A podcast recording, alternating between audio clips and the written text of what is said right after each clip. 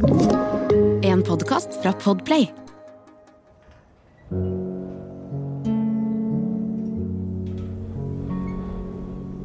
Det blåser en kald novembervind over grusveien opp til gårdshuset i tettstedet Plainfield. Utenfra ser det ekkelt og forfallent ut. Men sheriffen Art Slay vet at skinnet kan bedra. Og han krysser fingrene for at tipset de har fått om at mannen som bor i huset kan ha drept en av sambygdingene, ikke stemmer. Han håper at det de finner på innsiden er en uskyldig mann i hyggelige omgivelser. Så feil kunne han ta. Døra knirker når han åpner den, som om han befinner seg midt i en skrekkfilm. Og da den uutholdelige stanken når neseborene hans, reiser hårene seg over hele kroppen. Han ser Ed Gean, en av de merkelige skruene i Plainfield, stå og dunke hodet mot en vegg mens han mumler uforståelige fraser. Og jo lenger inn i rommet han kommer, jo mer svimler det for ham. Der, som et dyr i et slakteri, ser han den savnede Bernice Warden henge opp ned med overkroppen oppflerret. Når han lar øynene gli over resten av rommet, ser han hodeskaller nærmest overalt. Og ved et speil henger en bodysuit som ser mistenkelig ut som om den er sydd av menneskehud. Snart kommer de andre politimennene til, og viser ham en skoeske med kvinnelige kjønnsorganer. Masker av døde ansikter og en pose med neser. Nå tar han for første gang av seg hatten han alltid bærer og går ut bak huset og kaster opp. Tankene farer gjennom hodet hans. Hvor mange har Ed drept? Og hvordan kunne han holde på så lenge uten å bli tatt? Han kommer plutselig på at den samme Ed hadde sittet barnevakt for flere han kjente. Da farer raseriet gjennom kroppen hans. Og han tar på seg hatten og går inn for å arrestere en av de mest sagnomsuste morderne i verdenshistorien.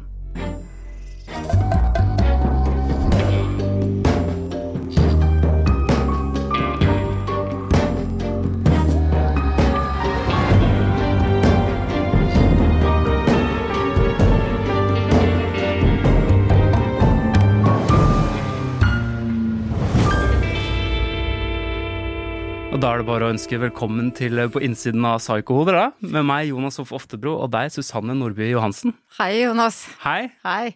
Dette er en eh, spennende sak. Altså, det er jo Ed Gean vi skal snakke om. Som er eh, Altså, han har inspirasjonen til så sjukt mange popkulturelle karakterer. Science of the Lambs, Chains of Massacre, eh, Psycho. Altså, han som skrev Psycho, er født rett ved siden av Plainsfield, hvor eh, Ed Gean er fra. Herfra. Brukt inspirasjonen i nærmiljøet sitt. Nei, dette gleder jeg meg til å snakke om, men først litt eh, informasjon om Ed Keen.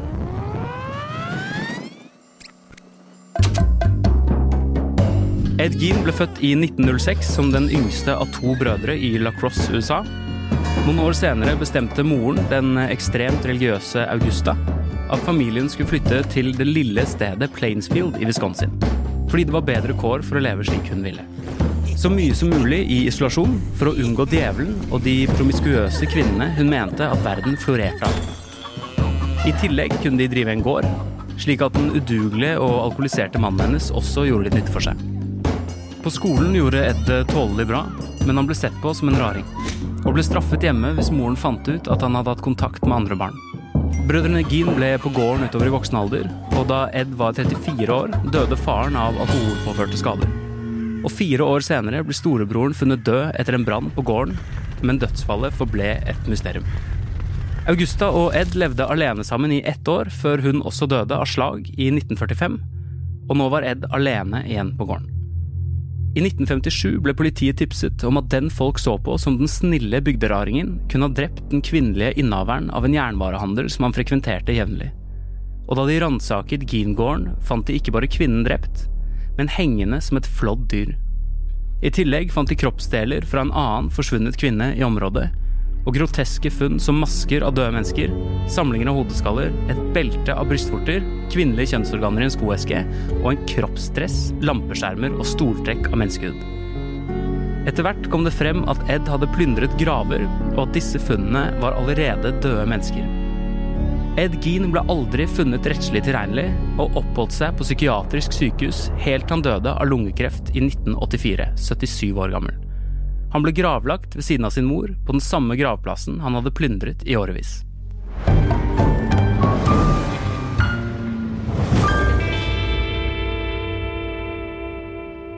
Ja, nå dykker vi jo inn i noe som er enda mer makabert enn det vi har snakka om før.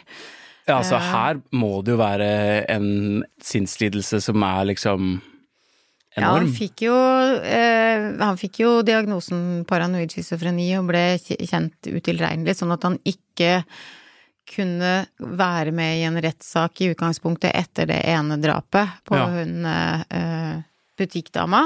Men de har et sånt rettslig system i USA som gjør at eh, du kan i en sammenheng bli funnet ikke i stand til å eh, være i retten. Sånn at han ble bare plassert på mental institusjon. Mm. Men etter ti år så ble han jo funnet frisk nok til å kunne stå for retten. Så da ble han dømt. Men da ble han også funnet uskyldig, gjorde han ikke det? På grunn av insanity. Ja, men han hadde ikke insanity plea den gangen, for de mente at han var i stand til å, å bli dømt, da. Og han ble dømt, men i og med at han da har en psykiatrisk sykdom, så fortsatte han bare å være på institusjon.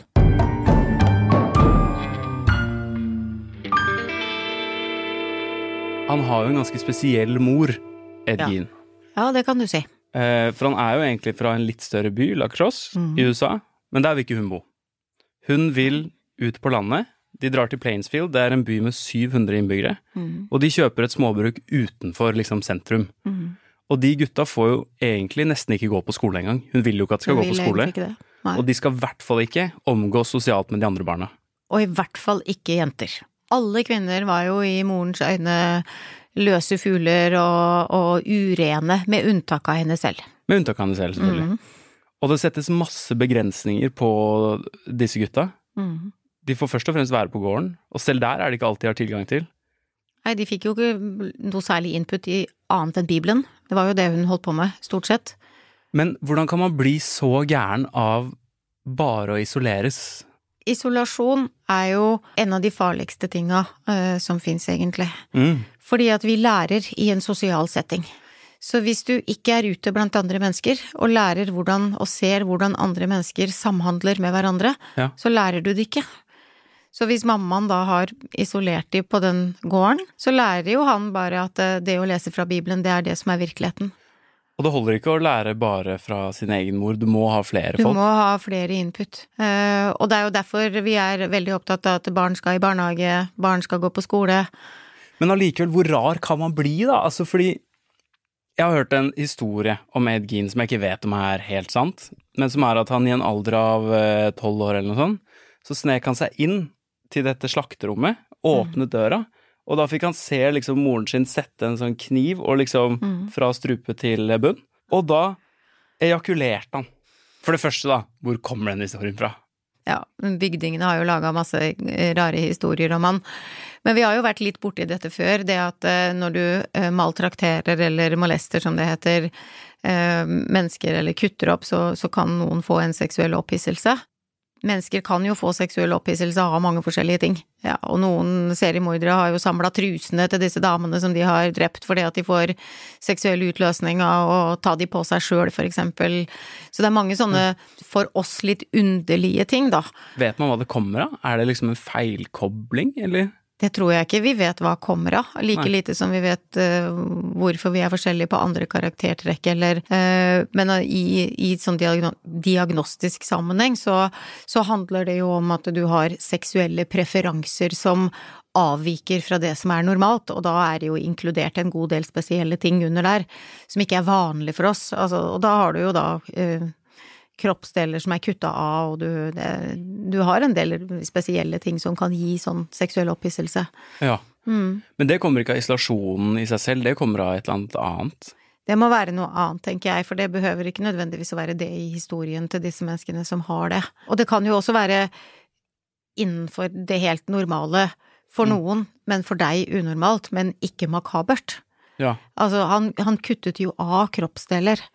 Eh, og hadde eh, genitalia i en eske. Ja. Eh, og det ville vel vi kanskje ikke gjøre. Nei. Men de fleste av oss blir vel kanskje seksuelt opphissa av å se på partneren vår. Sånn at det er jo en naturlig del i utgangspunktet. Altså sex og kjønn. Ja. Det er jo naturlig. Mm. Men så når du tar det da ut av en naturlig, for oss naturlig setting, så blir det veldig makabert. Og han fikk jo aldri noe læring. Han, han hadde jo ingen kjærester. Han hadde jo ingen relasjoner som han kunne utvikle sin seksualitet i. Nei. Eh, og da kanskje det blir eh, til det du gjør det til selv. Og han, han ble beskyldt for å være nekrofil. Det nektet han for. Ja. Helt, helt til det siste så nektet han for at han hadde en eller annen form for seksuell nytelse knytta til det. Han hadde ikke sex med de for det lukta så vondt. ja. Eh, Så han har jo på en måte hatt noen sånne sperrer. Altså, det å bo i den lukten, jeg skjønner ikke at det går an, jeg. Nei. Og det, eh, det er jo litt spesielt, fordi eh, han bodde jo i et hus som i utgangspunktet var veldig perfekt. Mammaen hadde jo en veldig, veldig perfekt ytre i det huset. Og når de kom inn og så hvordan det så ut der, så var det jo et totalt forfall. Det var ikke bare det at det var kroppsdeler. Han hadde jo ikke vaska, han hadde jo ikke tatt oppvask, han hadde ikke gjort noen ting. Nei, nei. Og han hadde jo heller ikke tatt vare på seg selv. Nei. Og det er jo det vi kaller for et fun betydelig funksjonsfall. Mm. Så når mammaen hans dør, så skjer det et eller annet.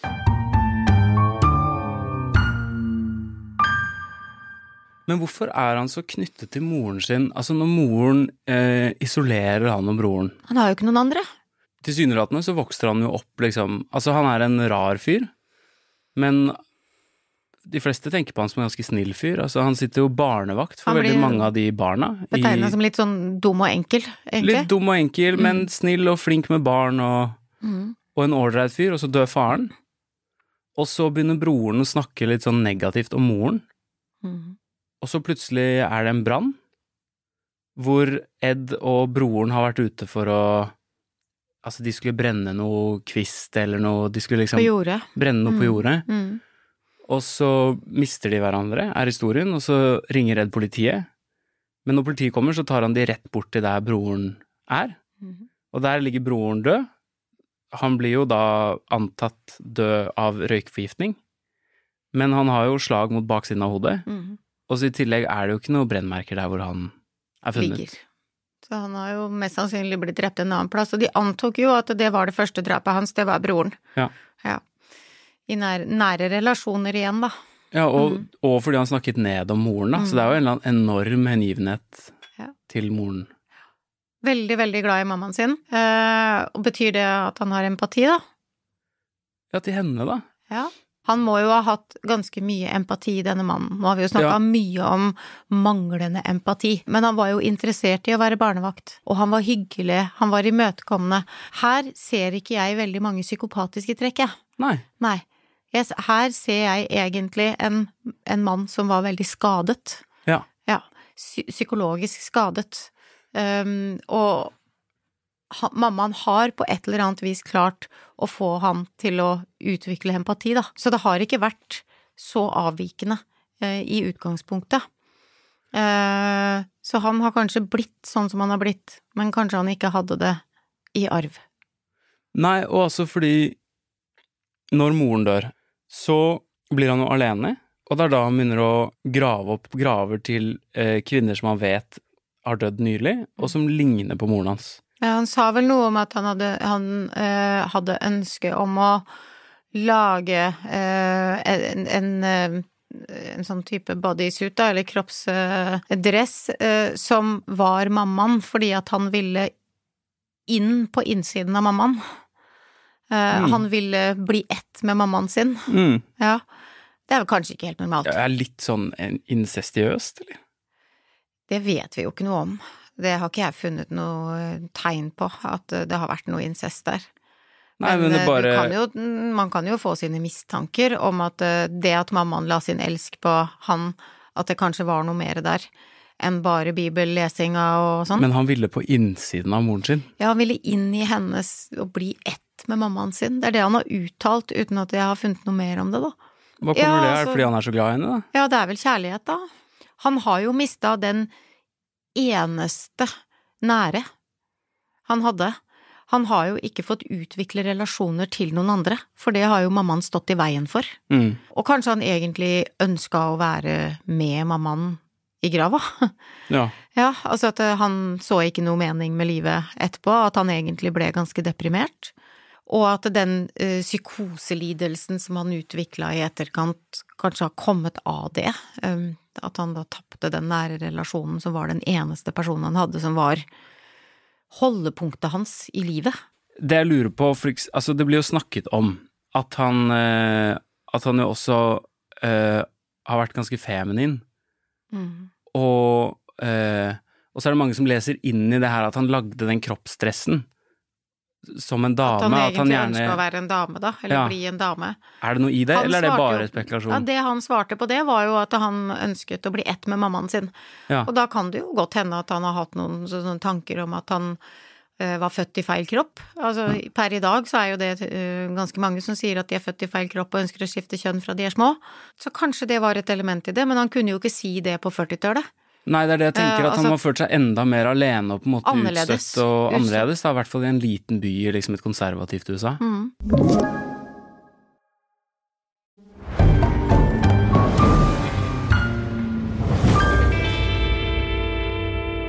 Men for han, han graver opp eh, graver, og ganske mange av de òg. Altså, de tror det er ca. 40.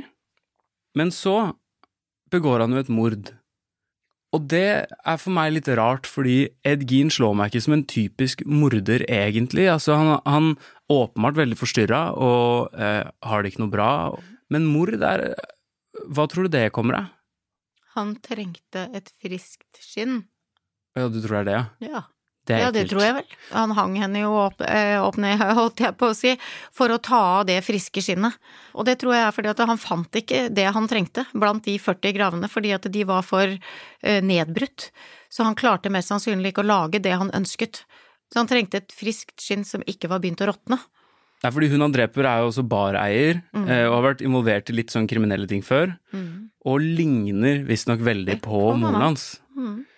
Og det er jo sånn at Edgin eh, Det er jo ingen som eh, tenker at det kan være Edgin, Rett og slett fordi han Han er for liksom enkel. Selv om han til og med drar vitser til folk om at han har henne hjemme. Han har henne hjemme. Ja, De er sånn 'hun er borte', han er sånn 'nei, hun er hjemme hos Hjemme meg'. hos meg.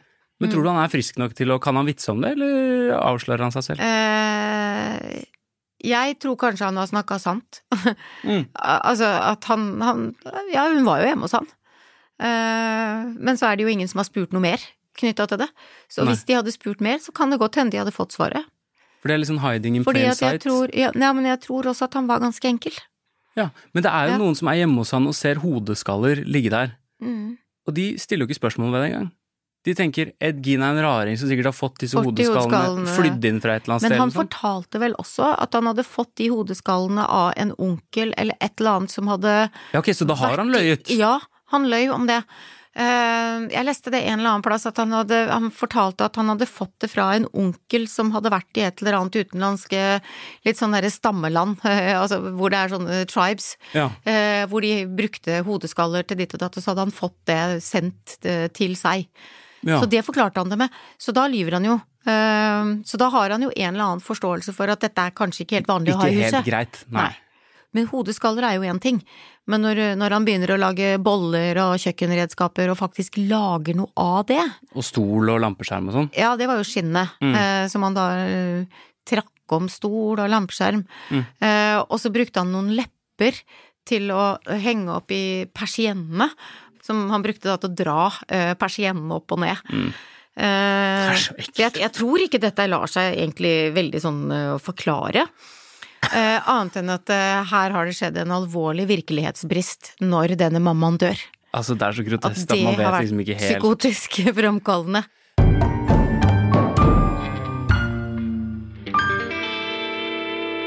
En ting er at han vil gjenskape moren sin og lage en kroppsdress som han kan ta på seg. Men Mm. han bruker jo også de tingene han graver opp, som du sier, til alt mulig annet, da. Mm. Kommer det av at han tross alt er en bygdekar som er vant til å gå på jakt og flå og bruke det han har og Det er ikke vanlig at du graver opp et lik og flår det og bruker delene til å ha hjemme likevel, selv om du er vant til å gå på jakt. Nei, jeg veit det, men jeg tenker bare en litt enkel fyr. Der har han et eh, kropp en kropp eller et lik. Ja, eller så er det kanskje den seksuelle tilfredsstillelsen, da. Altså siden han da hadde en eh, utløsning når han så Ja. eh, det parteringa første gangen, eller en åpning av kropp, da. Mm.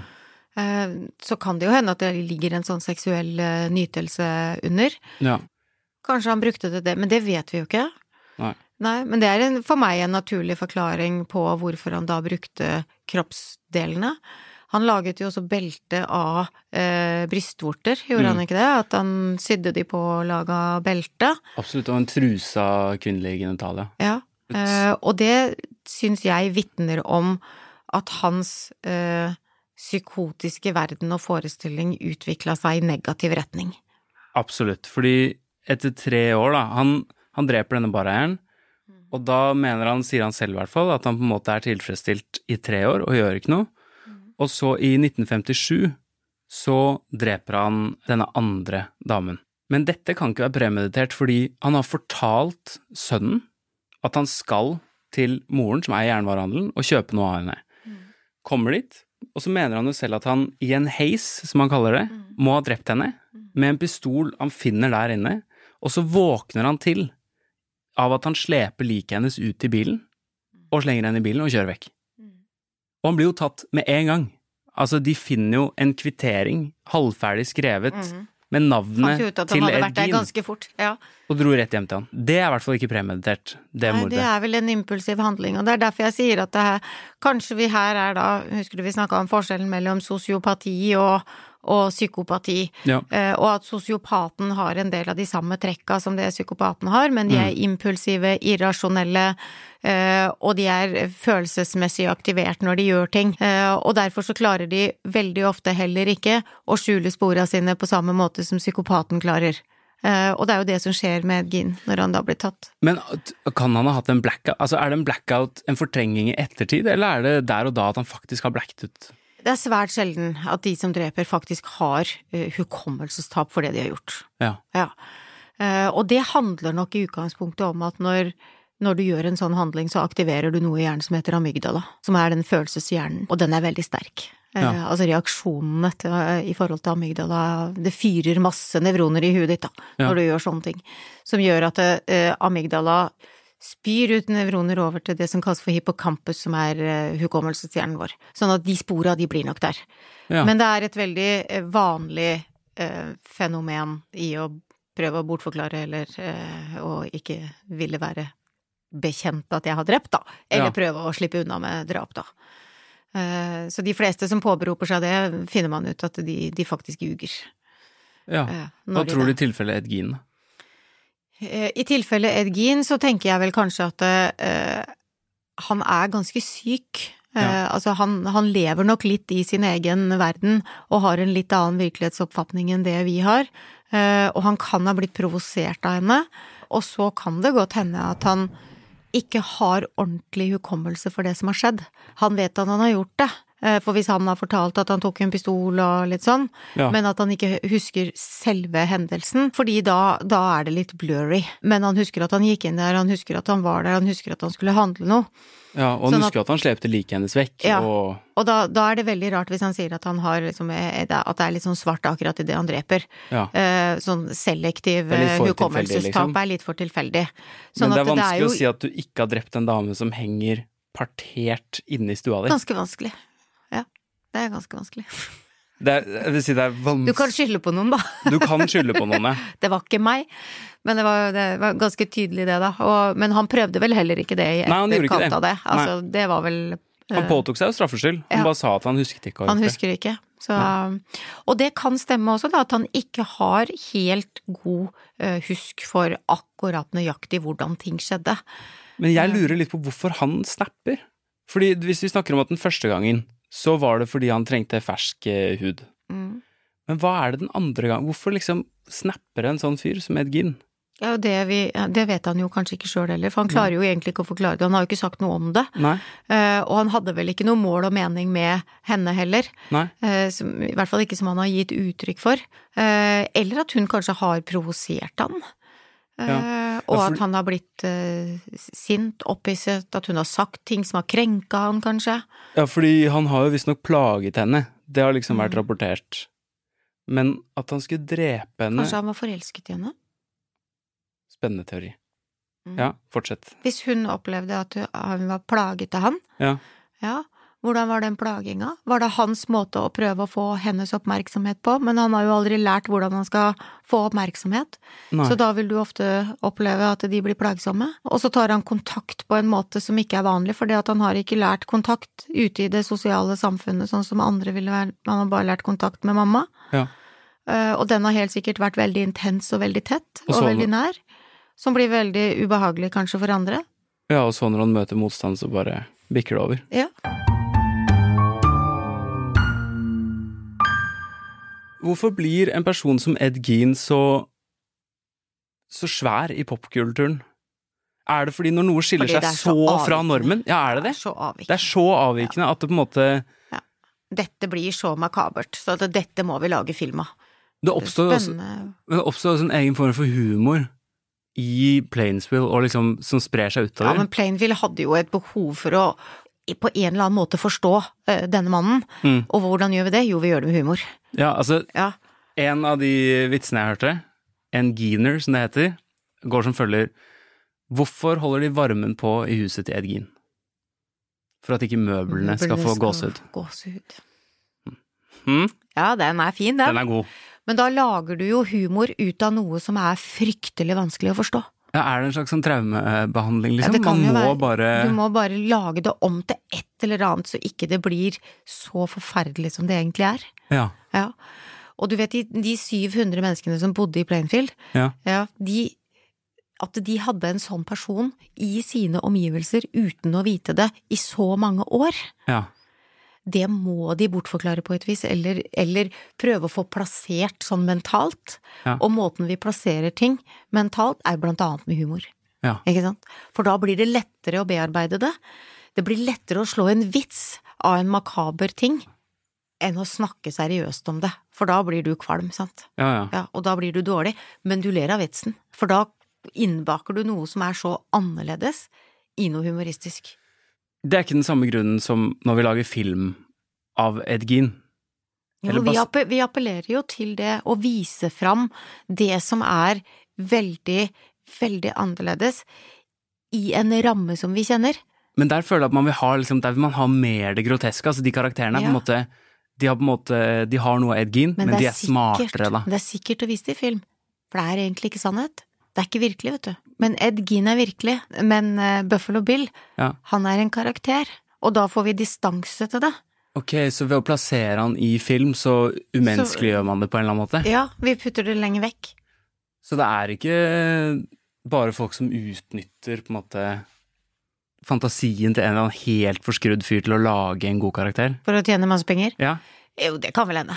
ja. Det er jo noen psykopater i filmbransjen, antar jeg òg. Helt sikkert. Men altså, dette er jo noe av det Det er noe av det mest avvikende, på en måte Det er vel noe av det mest avvikende vi kommer til å snakke om i den podkasten her, kanskje? Ja, det mest avvikende jeg har lest, liksom. Ja. Eller sånn sett. Mm. Det er så utrolig strange. Det er nok ikke så strange, men vi vet ikke om så mange. Det fins nok veldig mange som har sånne type seksuelle preferanser for ting som for deg er veldig annerledes. Men tenk å Men- leve i den lukten i den leiligheten! Ja, men det er psykisk sykdom. Men hvordan er klarer man det uten å bli sjuk, liksom? Ja, men de blir jo også En del av de blir jo fysisk syke. Men jeg har jo sett ganske mange i karriera mi Ja. som bikker over. Altså sånn som det Ed Gein tydeligvis har gjort. Ja. Han har levd i et hjem hvor ting har vært på stell, og så har han mest sannsynlig aldri lært å ta vare på seg selv. Han har aldri lært å gjøre de huslige syslene som er dagliglivsferdigheter, som vi kaller det. Så når mamma dør, så får ikke han til det. Han har ikke gjort det før. Og så blir han mer og mer inn i sin egen verden, tenker jeg, eh, syk. ja. Og da, da bryr du deg ikke om det. Du klarer ikke å bry deg om det. Så forfallet blir veldig svært når du er psykisk syk. Så det er derfor jeg tenker at han var veldig syk. Ja, og du nevnte innledningsvis at han, han fikk diagnosen paranoid schizofren. Mm. Men har han hørt stemmer og hatt Ikke det jeg vet. Nei. Nei. Så hvorfor får han det da? Diagnosesetting er eh, ganske vanskelig, ja. og du trenger ikke å ha stemmehøring for å få en paranoid schizofreni, men du kan ha en vrangforestilling. Ja. Eh, og vrangforestillingen her er vel klart og tydelig at han ønsker å gå inn i kroppen til mammaen sin, kanskje. Så hvis du har en sånn helt fastlåst vrangforestilling om noe, så er det også psykotisk. Ja. Eh, men det er ikke nødvendigvis paranoiditet. Jeg er, ikke, jeg er ikke sikker på om han fikk en paranoid schizofreni, okay. men han kan ha fått en schizofrenilidelse hvor andre trekk er framme enn det å ha hallusinasjoner, sånn som stemmehøring, eh, og det å se ting som ikke er virkelig, som er to kjernesymptomer i paranoid schizofreni, og så forfølgelsesvanvidd er ofte med der. Men du kan ha vrangforestillingslidelse, som også er en psykoselidelse, og det syns jeg jo absolutt at han faller innunder. Og kanskje denne huden og lepper og alt dette her har vært opptakten, og så til slutt så ble det denne hele kroppen. Ja. Ja, og da utvikler dette seg i et perspektiv. Ja. Så et naturlig perspektiv for meg, da. Begynner Ja. i det små.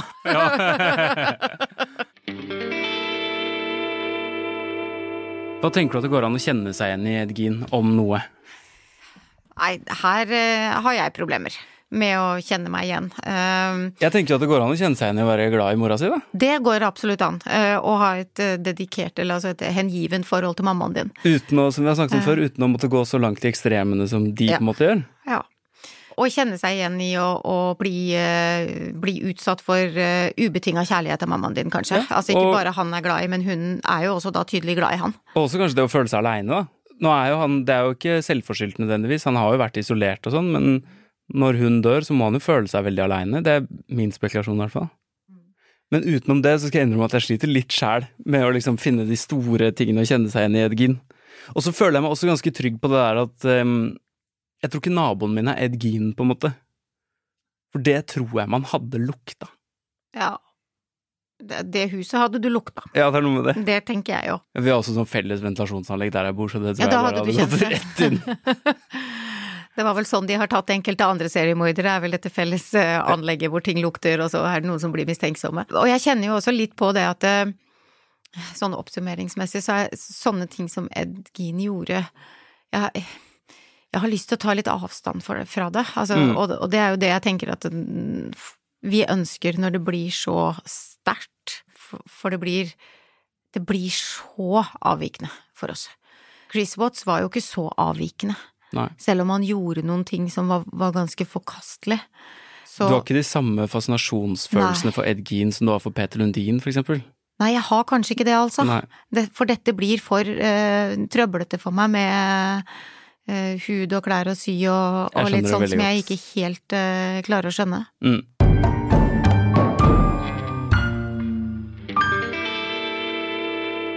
Men hvis du vil ha en liten fun fact på slutten her, da, Jonas. Ja, takk. Ja, takk. Eh, så, så er det jo litt sånn at jeg har faktisk bodd i La Crosse i Wisconsin. Er det sant? Det har jeg, men jeg hadde aldri hørt om Ed Gein. Er det sant? Det er helt sant. Jeg syns jo det er litt artig at jeg faktisk ikke hadde hørt om uh, han før vi begynte å, å dykke ned i han. Jeg syns det var litt artig at han da var fra La Crosse. Ja, det syns jeg også. Mm -hmm. Da har jeg også en siste Geiner til deg før vi runder av. Å ja, kom igjen. Er du klar? Ja. Den går sånn her. Ed Gein, he can really help you get ahead. Ja, takk, Takk for, for- i dag. Takk for i dag, Jonas. Og takk til deg som har hørt på. Vi høres neste uke.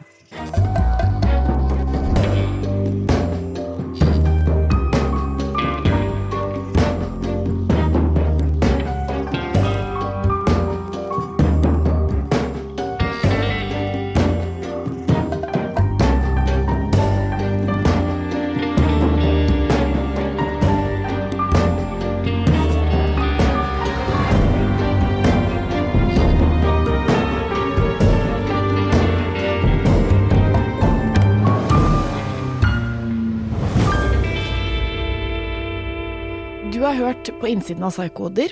Denne podkasten er produsert av Freemantle Podcast for Podplay og Bauer Media. Programledere er Susanne Johansen og Jonas Oftebro. Produsent er Kjersti Kvam, og musikk og lyddesign er laget av Espen Rogne. Du har hørt en podkast fra Podplay. En enklere måte å høre podkast på. Last ned appen Podplay, eller se podplay.no.